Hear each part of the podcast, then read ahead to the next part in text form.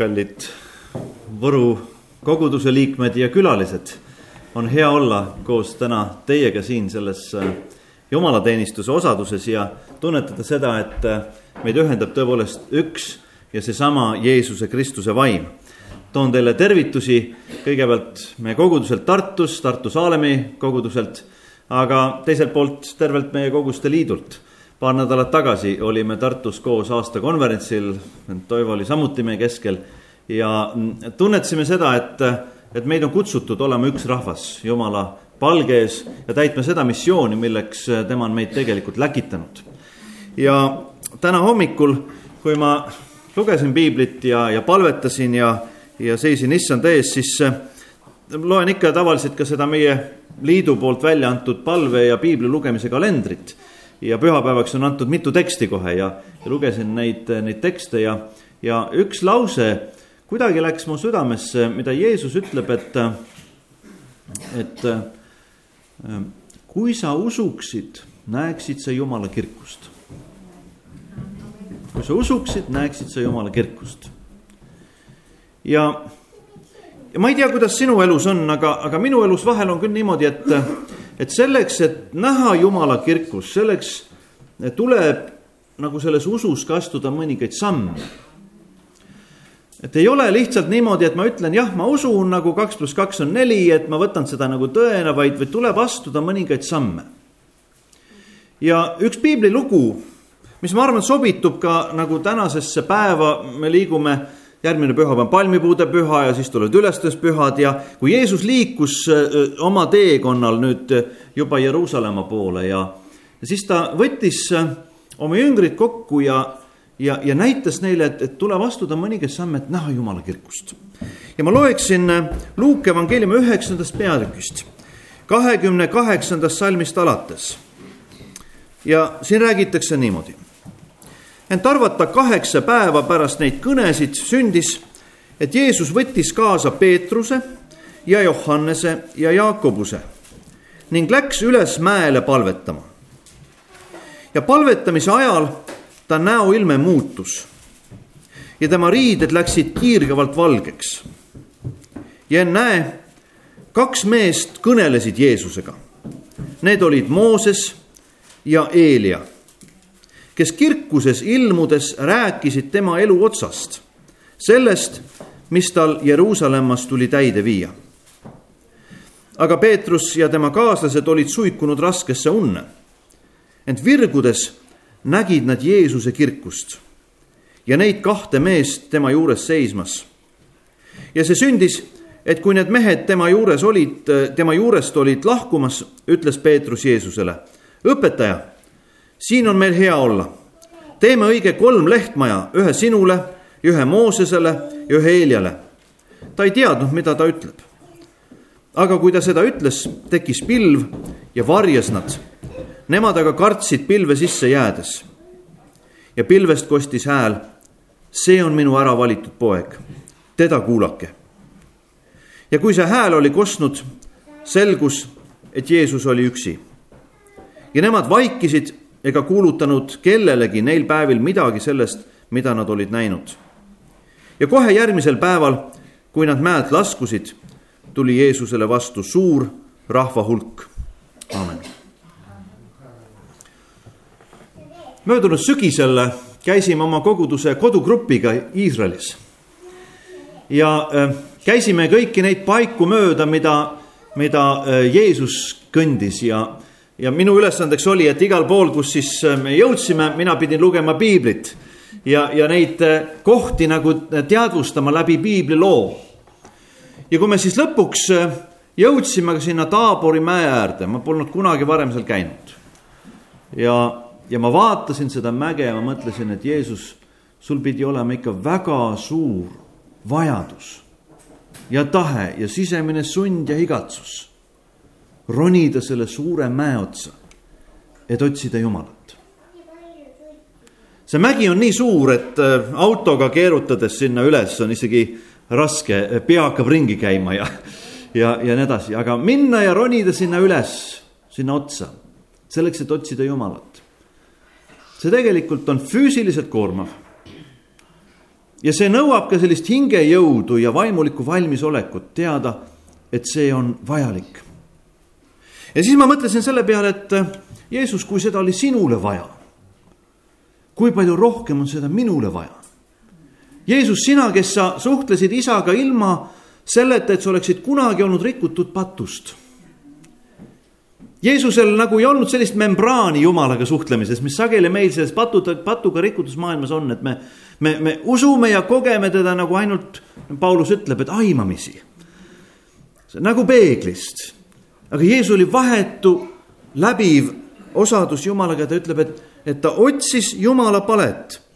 Hebra kirjas isegi on öeldud, ta otsis silmaveega Jumala palet. et ta igatses seda. ja, ja siin öeldakse, et Jeesus võttis kaasa oma jüngrid ja läks mäele palvetama. muide, selles palvetamises on tegelikult ka midagi nii seesmiselt kirgast ja ilusat, et äh, vahel me mõtleme, et palvetamine on niisugune vaat kui ma olin väike laps, meil oli ka kodus niimoodi, et vanaisa alati kogus kõik äh, perekonna kokku õhtul ja, ja panime põlved maha ja palvetasime ja siis ma vaatasin, kõigil on silmad kinni, mina panin ka käed Äh, silmad ette ja siis äh, püüdsin meeleheitlikult kaasa mõelda neid sõnu, mida siis öeldi ja palvetada ja, ja see on üks viis palvetada, keskenduda nagu täielikult. no teate, kui ma seal Iisraelis olin, siis ma hakkasin aru saama, et Jeesus läks sinna mäele võib-olla ka ülistama Jumalat. teate, kui ilus vaade sealt avaneb. Ja kui sa ronid sinna mäe otsa ja näed, kui suur on Jumal ja kui suur on tema looming ja kui imeline on tegelikult tema armastus meie kõigi jaoks siis see teeb tegelikult hoopis meil silmad lahti. et me mitte ei pane silmi kinni, vaid me avame korraga need silmad ja me näeme, kui suur ja võimas on Jumal, kes ootab meid lihtsalt oma osadusse. aga täpselt sama juhtus seal Galili aladel, kui sinna Galili järve äärde minna millised imeilusad mäed seal on ja, ja vahel jüngrid otsisid, kus sa Jeesus kadusid hommiku vara, kõik tõusevad üles, hakkavad süüa tegema, Jeesus polegi. tema uitab kuskil mägedel tema kuskil seal otsib jumala palet. ja siis, kui ta tuleb, ta tuleb väes ja meelevallas ja, ja temas on elurõõmu ja temas on meelevalda teha tööd Jumalale. ja teate, ma kutsun iseennast ja, ja teid ka täna nagu kogema niisugust vahetut osadust Jumalaga, mis ei sulge ainult silmi nagu kõigele sellele maailmale meie ümber. halvas mõttes küll me võime maailmale silmi ka sulgeda. aga teate, selles maailmas mille kohta piibel ütleb, et jumal armastab seda maailma, nõnda, et on andnud oma poja. on nii palju väärtust, igas inimeses on nii palju väärtust. et meil tuleb need silmad lahti teha, koos Jumalaga sealt mäelt alla vaadata ja, ja, ja avastada seda, et Jumalal on midagi, midagi veel ka meie elus teha ja meie kaudu teha. ja nüüd teine asi, mis on mind aidanud kui, kui otsida nagu jumala palet ja, ja palvetada, et ei piisa ainult sellest, et ma vaatan seda imeilusat loodust tegelikult tänagi, kui ma sõitsin siit sellest tänavast alla, vaatasin seda ilusat järve siin ja tuleb kiitus ja tänu Jumalale, aga, aga teate, see jääb väga nagu üldiseks. aga kui me läheme piibli juurde ja vaatame, mida Jumal on teinud läbi ajaloo. Moosese läbi ja Eelia läbi ja Jeesuse läbi. et siis korraga see meie Jumala kogemus ka tiheneb. Ja, ja läheb kuidagi konkreetsemaks ja, ja me hakkame aru saama, et sellel Jumal tõepoolest on mingi plaan, mingi mõte selles maailmas minuga ja me kõikidega Kristuse kogudusega. ja minu selle aasta üks eesmärk, mille ma seadsin, oli see, et kui ma loen piiblit läbi aasta, et ma ei loe nii palju seda, noh, mida ma loen piiblist välja, vaid et, et piibel hakkaks lugema mind. Ma arvan, et te saate aru, mida ma mõtlen sellega et küsimus ei ole, et ma, ma loen seda piibli teksti ja, ja, ja nagu need lood on tegelikult nii, nii väga võimsad ja, ja suured. aga et see piibli tekst, need tegelased, Jeesus lõpuks ise, et nad hakkaksid rääkima minu vastu. ja vahel on niimoodi, et teate, ma olen avastanud selle nende mõne kuu jooksul, mis on olnud. et äh, jumal räägib väga üllataval moel seda, mida ma pole osanud mõeldagi mõni asi tundub, et mida, mida ma ise teen või mida me koguduses teeme, et ma küsin, et Jeesus, kas sina tegid seda?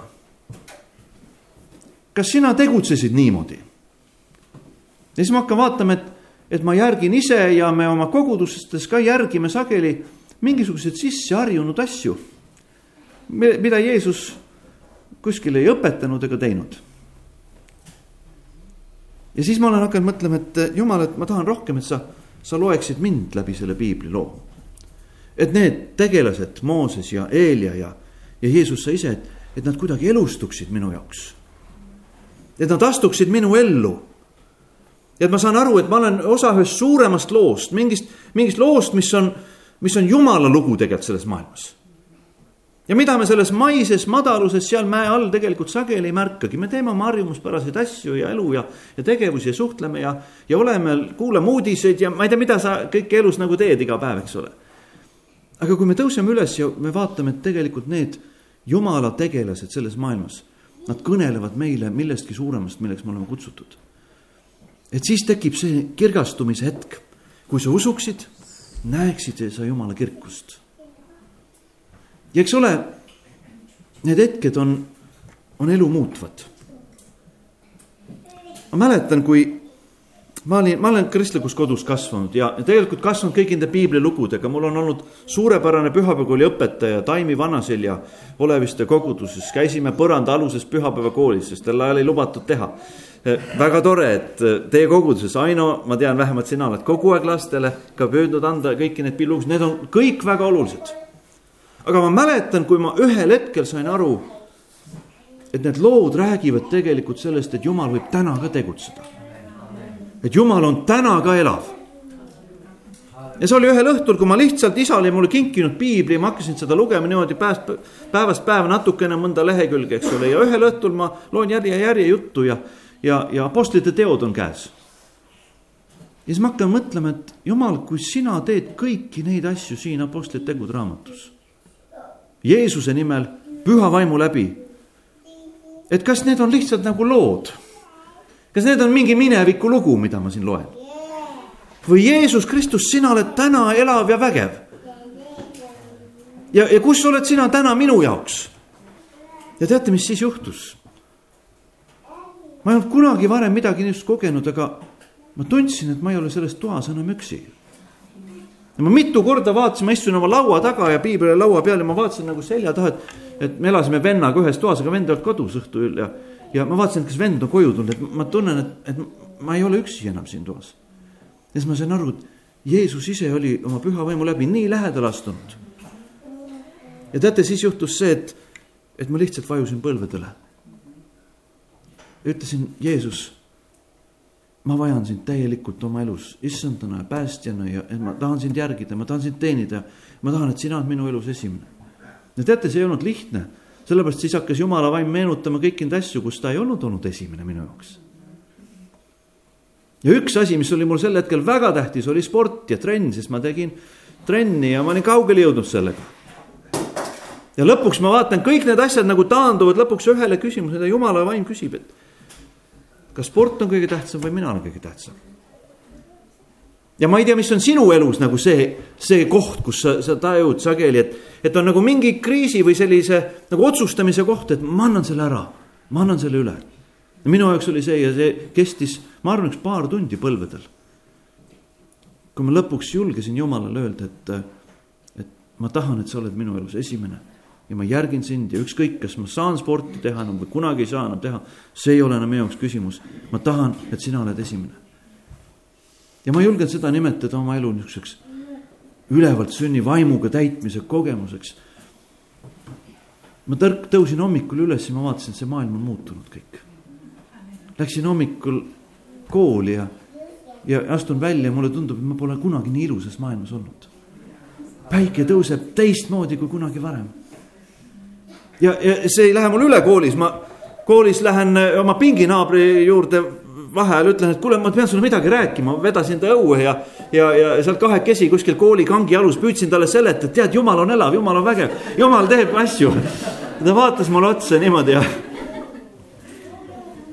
ta ei saanud sellel hetkel kristlaseks, aga teate, tänaseni, kui tal on elus raske, ta helistab mulle ja ütleb, et Meego, ma usun sinu jumalasse. ma usun sinu jumalasse, sinu jumal on elav ja siis ma palvetan ja, ja, ja, ja püüan teda aidata. palvetage tema eest ka, et jumal saaks ta kätte, ta teab täpselt kõike. aga ta peab ka avama ennast Jumalale, aga täna ma räägin seda lugu hoopis tegelikult sinu ja minu enda pärast. et kui me läheme sinna üles mäele Jumalat otsima, teda otsima nagu palves ja piiblis ja et me vajame tegelikult seda, et see Jumal hakkab meile kõnelema. nüüd üks asi, mis siit tuleb veel välja. Ega Jumal ei kõnele alati ka lihtsatest asjadest. kui need Mooses ja Eelia ilmusid Jeesusele, kirkuses ilmudes rääkisid tema elu otsast. sellest, mis tal Jeruusalemmas tuli täide viia. ja ma arvan, et, et kui jumal kõnetab meid ka, et, et siis me, siis me ikka jälle nagu leiame ka seda, et jumalal on veel midagi ka kavas. ja see ei pruugi alati olla lihtne. Jeesusele öeldi, et, et tal on elu ots käes. Jeesuse surmast räägivad tegelikult need kõned, mida, mida Mooses ja Eelia talle ütlevad. aga on huvitav, et et see sõna, mida siin kasutatakse eluots kreekakeelses tekstis Luuke evangeeliumis, et see ei tähenda ainult nagu surma, elu otsa, no elu saab otsa. vaid see sõna tähendab ka väljundit. tegelikult on see sõna eksodus, mis on teise Moosese raamatu pealkiri, väljaminek, väljaminek ja see tähendab väljundit, väljumist ja teate, kui ma seda vaatasin sealt äh, piibli tekstist, siis ma mõtlesin, et väga huvitav, et Mooses ja Eelia olid ka ju need, keda siin maailmas maha ei maetud. vähemalt Moosese hauda ja Eelia hauda keegi ei ole kunagi leidnud, Eelia kohta on öeldud, tulised vankrid viisid ta taevasse, eks ole. Moosese ihu ei ole leitud. võib-olla on selle tõttu ka nendel õigus või võimalus siseneda siia maailma. sellesse materiaalsesse maailma ja rääkida Jeesusest tema Jeesusele tema elu otsast. Isegi sellest surmast, mida tal tuleb läbi elada, aga need on kaks meest, kes teavad, mida tähendab minna siit maailmast välja. minna siit maailmast ära sinna tõelisesse, sinna teispoolse, sinna Jumala juurde. ja Jeesus vajas ka seda kinnitust, et kui tulevad raskused, kui tuleb kannatus, kui tuleb ristisurm ja ta ongi seal ja ütleb, et Jumal, sinu kätte ma usaldan oma vaimu et sellel elul on väljund, et see ei ole mõttetu, see, see kõik ei ole tähenduseta. Ja see väljund ei ole mitte ainult see, et jumalal on surmast väljapääsu teed, Jeesus tõuseb surnust üles, vaid meie sinuga oleme jumala väljund. sinu ja minu elu, meie oleme selle risti surma ja kannatuse väljund. ta suri ja kannatas meie pärast. ja kui Jeesus sellele kõigele nagu võis mõelda, siis siis ma usun, et ta läks tõepoolest armastuses, usus ja lootuses vastu sellele Jeruusalemma kogemusele teisiti, kui, äh, kui keegi, keegi teine oleks, oleks seda saanud kinnitada. ma ei tea, mis on sinu elus need raskused, mis võivad täna siin sinu elus olla. on see mõni haigus? on see mõni äh, sassis suhe? on see midagi niisugust, mis on pikka aega olnud sinu peal võib-olla oled sa täna siin ja sa mõtled, et, et ma ei näe, et sellel asjal oleks väljundit, see on, see on nagu mõttetu, ma ei taha seda enam. ma tahan vabaks saada sellest. aga kui me loeme piiblit, siis, siis meile öeldakse seal, et jumal armastab meid niimoodi, et ta valmistab surmast väljapääsu tee, aga ta kasutab kõike seda, mis meie elus sünnivad, oma nime kiituseks ja, ja oma plaanid elluviimiseks.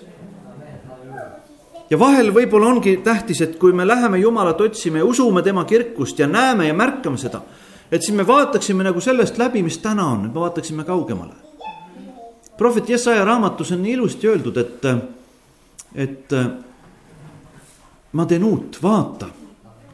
see juba tärkab, kas te ei märka? ma teen uut, see tärkab, kas te ei märka. ja vahel mina olen näinud, et, et ma vaatan nagu selle peale, mida jumal ei tee ja siis ütlen, jumal, miks sa neid asju ei tee. Aga Jeesaja raamatus ütleb jumal, et vaata, mida ma teen. see juba tärkab, kas te ei märka? et ma pööran oma pilgu nagu selle pealt ära, mis on kannatus ja raske ja, ja probleemne, mis on ees ka võib-olla tuleb niimoodi. ma vaatan sinna peale, mida jumal juba teeb. ja see tärkab, see tuleb üles ja siis ma näen selle väljundit, kuidas jumal tegelikult eh, teeb teoks. nüüd üks moment veel, mis siit sellest tekstist kuidagi jäi mu, eh, jäi mu südamesse, on see, et, et jüngrid magasid. kõik need suured asjad juhtuvad. jüngrid magavad ja seda juhtub ikka sinuga ja minuga. mul tihtipeale on niimoodi, et, et lähen voodisse juba, mõtlen, et loen veel midagi ja siis naine vaikselt tuleb, võtab ära. sellepärast, et ma jään magama. Ja see on meie füüsiline olemine, Jeesus ka magas paadipäras, kui torm oli. ka magamine iseenesest ei ole paha asi. Jeesus isegi tõuseb üles, et kus teie usk siis on, kuulge, las ma magan Te äratate mind üles, et läheb põhja kõik see asi, ega see ei ole probleem. aga tähtis on see, et me ei maga maha äh, neid asju, mis on jumala tähtsad. ja selleks me peame olema vaimulikult ärkvel. Kui Toivo ütles, et kell neli öösel jumal äratab üles ja, ja hakkab rääkima, et siis tegelikult ma palusin ka, et jumal, anna mulle ka seda niisugust ärkvelolekut. et millal iganes see on täna hommikul sõites siia, mu tädi äh, saatis mulle sõnumi, ütles, et, et ma ei tea, kas sul on raske või mitte, aga, aga jumal andis mulle südamesse, et ma palvetaksin sinu eest öösel. ja ma ei tea, mis see on täpselt, aga, aga ma tean seda, et jumal teab. Ja, ja mul on hea meel selle üle, et niisuguseid eespalvetajaid eh, on. aga nüüd, kui nad ärkavad üles, siis nendel on oma mõte. et kõik need asjad jääksidki täpselt nii, nagu oleks, et et Jeesus jääks siia mäe otsa, tegelikult nii suurepärane olla siin, eks ole, ja et Mooses jääks siia ja Eelia jääks siia ja et kõik see oleks. ja siin öeldakse isegi, et Peetrus ei teadnud, mida öelda, aga ta lihtsalt nagu räägib. et teeme niimoodi, nagu, nagu siin on ja, ja vahel meil koguduses ka on niisugust eh, kiusatust võib-olla isegi. et säilitada kõike täpselt nii, nagu oleks. et kõik säiliks niimoodi ja siis on hea turvaline olla, siis on meil meeldiv aga ma ei tea, kas te olete kunagi käinud mõnes niisuguses koguduses, kus kõik on kogu aeg nii, nagu alati on olnud? ma olen, teate, see ei rahulda meid. Jumal ei ole mõelnud, et me oleksime niisuguses koguduses, kus kõik on alati nii, nagu kogu on olnud. kui ma tulin täna siia, siis ma nägin, et Jumal teeb uut. Jumal on elav. Jumal on vägev jumal on ülistusväärne. ja see särab teie silmadest vastu, see särab teie kätelt ja, ja, ja palvesüdametelt ja huultelt vastu. ja teate, kui midagi on, mida jumal pani mulle südamele teile öelda, no küsisin ka jumalat, et kui ma tulen nagu selle liidu esindajana, et, et mis on see, mida ma peaksin ütlema teile. siis see on see. kallid vennad-õed Võru koguduses me vendlus vajab teid. me vajame teid sellepärast, et te olete ärkvel. sellepärast, et teie lähete välja ja teete missioonitööd. Sellepärast, et Jumal on elav teie keskel ja tegutseb. ja me vajame, et te olete meie kõrval. see on see, mida Jumal pani mulle südamesse teile öelda aga teate, ega te ei pea mind kuulama. jumal sellel hetkel, kui nüüd see pilv tuleb ja täidab. ja nad tunnevad hirmu ja nad tunnevad tegelikult ehmatust, et mis nüüd juhtub. sellel hetkel Jumal ütleb oma sõna. see on minu ära valitud poeg, teda kuulake ja lõpuks kõik Mooses ja Eelia ja meie kogemused ja, ja, ja meie tunne, et nüüd on parim hetk, see on meie elu mäetipp, siin on kõige parem olla. Need tegelikult kõik taanduvad, sest jumal ütleb, ainult ühte pead kuulama. Ja see on tema ära valitud poeg. ja see ära valitud poeg on täna elav, Jeesus Kristus on seesama eile, täna, igavesti. ta elab ja tegutseb, oma püha vaimu läbi on ta täna siin, oma koguduse elus ta elab ja, ja tegutseb. ja, ja siin öeldakse, et teda kuulake, teda kuulake ja, ja kui see hääl oli kostnud, selgus, et Jeesus oli üksi. teate, ma olen ka jõudnud nagu vot mida vanemaks sa saad, seda rohkem sa nagu selitad välja, mis on üldse elus tähtis ja. Ja ma, ma olen üha rohkem nagu hakanud mõtlema, et mitte midagi muud ei olegi tähtsat kui, kui Jeesus ja tema kogudusihu, et see elaks. ja, ja, ja, ja tegutseks ja liiguks ja areneks ja kannaks vilja, nagu, nagu Toivo tõi välja ka. kõik muu tuleb ja, ja, ja, ja läheb. me selle aasta moto meie liidus ka, mida me oleme välja nagu öelnud, on, lähtub Peetruse kirjast, kus öeldakse, et kõik inimlik on nagu rohi. see haljendab, see närtsib, kaob, aga jumala sõna jääb igavesti. ja see on see sõna, mis teil on rõõmusõna kuulutatud, ütleb Peetrus. ja see ongi sõnum Jeesusest Kristusest, kui me teda võtame ja järgime, siis tegelikult meie elud on muudetud. ma mäletan, kui siis see minu kogemus, millest ma rääkisin, see, see kuidagi äh, muutis mu elu ja, ja, ja siis järgmine asi, mis ma märkasin, oli see, et, et ma pean hakkama teisi teenima. ma pean hakkama teenima neid inimesi, kes on koguduses ja kelle usuteekond nagu ootab seda, vajab seda, nõuab seda. see oli esimene kord, kui ma hakkasin tunnistama kantslis kui ma hakkasin piiblit uurima, et teistele midagi jagada.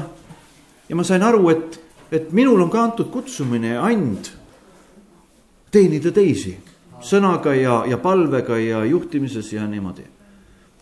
ja ma arvan, et kui meie jõuame sinna punkti välja, kus, kus Jeesuse kirkus täidab meid ja, ja muudab meie elu, et siis me saame korraga aru, et meile on antud ka oma koht, meil on antud annid, meil on antud läkitus. ja teate, see annab meile nagu sellise uue missiooni. ja ma arvan, et ka kogudusena, kui ma ütlen, et Võru kogudus, et teid on vaja meil. Et see tähendab tegelikult seda, et, et see koht, see missioon, mida ainult teie saate täita selles koguduse ihus, selles suures koguduse ihus. see on tegelikult ainulaadne. ja, ja tunnetada ära see and, panustada selle anniga, selle kutsumusega, see on õnnistuseks teistele vahel me ei näe kõike seda, mis, mis nagu meie annis ja teenimises on, aga, aga vahel tuleb mõni, mõni sõnum nagu tagasi kuskilt. paar päeva tagasi mind kutsuti rääkima äh, Pühajärvel äh, ühe, ühel seminaril sotsiaalhooldus või sotsiaalpedagoogidele, kes tegelevad nagu raskesti kasvatatava laste ja noortega ja nende, nende probleemidega ja nad kutsusid, et ma tuleksin rääkima. ma isegi natuke üllatunud, ma ütlesin, ma ei ole kunagi tegelenud selle, tule, tulge, tulge. Ja siis ma räägin ja kõik saab päev läbi ja, ja, ja hakkan juba ära minema, siis üks naisterahvas tõuseb püsti ja ütleb, et, et ma tahtsin teile öelda aitäh, et te tulite. no teate, te olite täna siin sellepärast, et mina ütlesin, te peaksite siin olema. ma ütlesin, väga huvitav. ta ütles, et neliteist aastat tagasi ma olin teie õpilane ja kuulsin teid rääkimas. ja te avasite minule selle jumala asja. Ütles, et nüüd ma olen käinud kogudustes ja, ja ma olen liikunud ja ütles, et, et kui oli see otsustus, et kes tuleb rääkima, et siis äh, ma ütlesin, et las Meego tuleb. ja küsimus ei ole minus, vaid küsimus selles tagasisides, et sa oled kuskil neliteist aastat tagasi kellelegi midagi rääkinud. ja jumal kasutab seda, korraga ta toob selle esile ja tead, kui sa hakkad panustama sellesse, mida jumal tahab teha, siis, siis sa näed, et, et see ongi sinu elukutse, see ongi sinu elu õnnistus. See ongi see, milleks sind on loodud. midagi muud ei olegi. ja viimane asi, kallid, ma lihtsalt mõtlen, et kui nad siis tulevad sealt mäest alla. nagu me lugesime, järgmisel päeval, nad olid seal ilmselt siis mitu päeva. ja, ja kui nad tulevad alla, see teekond alla on ka keeruline ja, ja, ja pikka maad ja, ja tulevad sealt alla siis tuli Jeesusele vastu suur rahva hulk.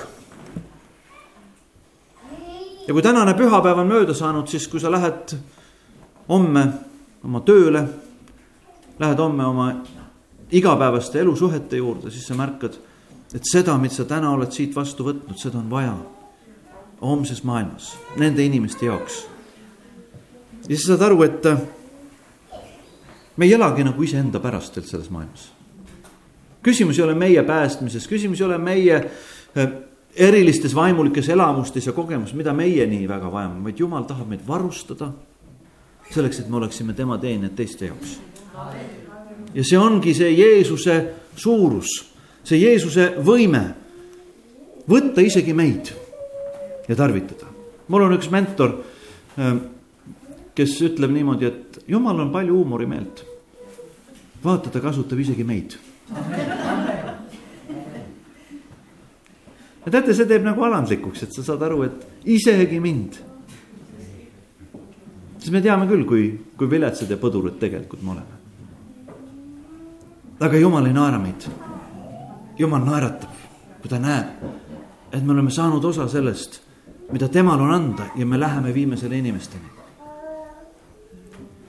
eks te olete ka kuulnud nendest Ukraina sõnumitest ja, ja see pole kerge. Ja ma ei tea, milline on teie nagu äh, suhe ja, ja tõlgendus sellest, aga ma lihtsalt räägin sellest, mis, mis me oma koguste liidus oleme ka äh, tunnetanud ära, et, et kui see Krimmi nii-öelda ülevõtmine toimus, siis, siis need Ukraina sõdurid, kes seal Krimmis äh, oma sõjaväebaasides, nad tegelikult olid korraga niisuguses olukorras, et nad ei saanud midagi teha, sest nende perekonnad olid seal Krimmis lihtsalt oma elu, eluasemetes.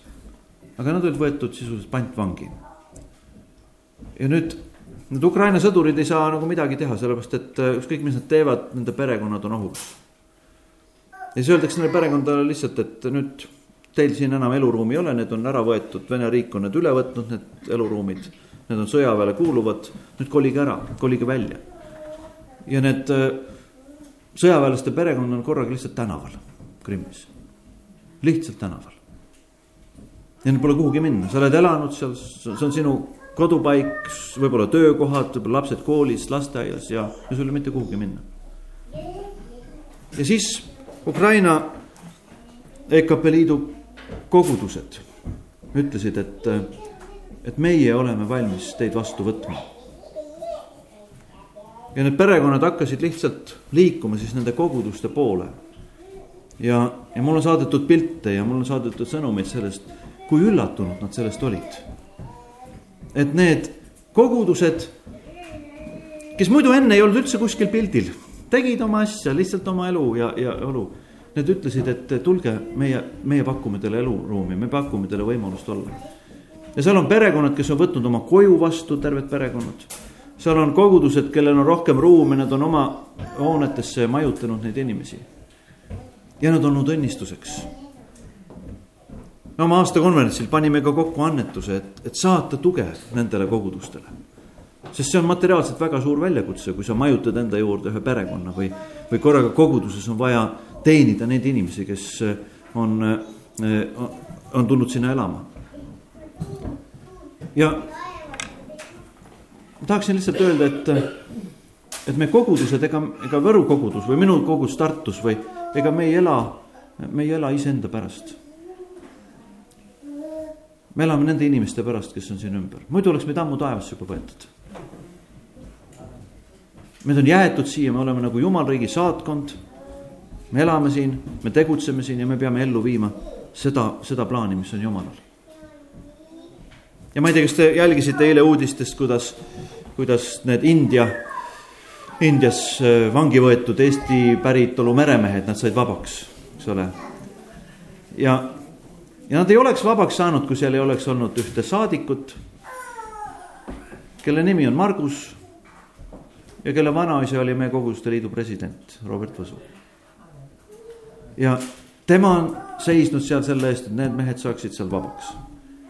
ja siis, kui väga kriitiline juba oli, siis ta isa helistas mulle, ütles, et me ka kutsu üles kogu me koguduste liitu palvetama, et need inimesed saaksid vabaks. ja see oli nädal-poolteist tagasi.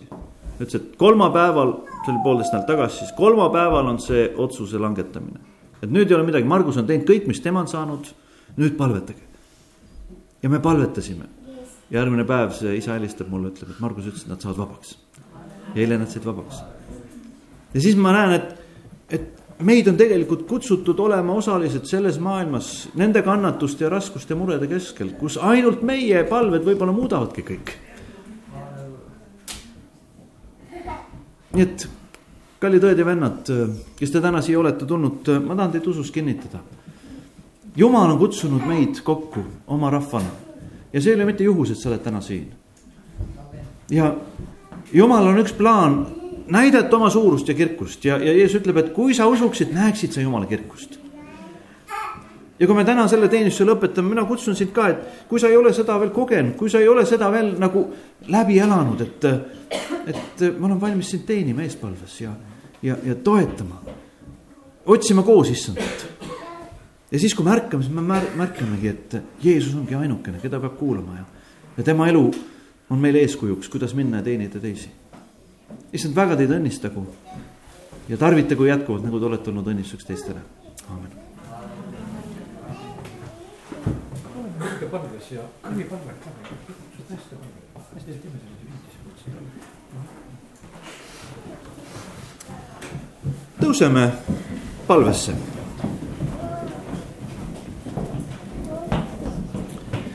Jeesus Kristus, ma tänan sind südamest selle eest et sina oled Jumala elav poeg.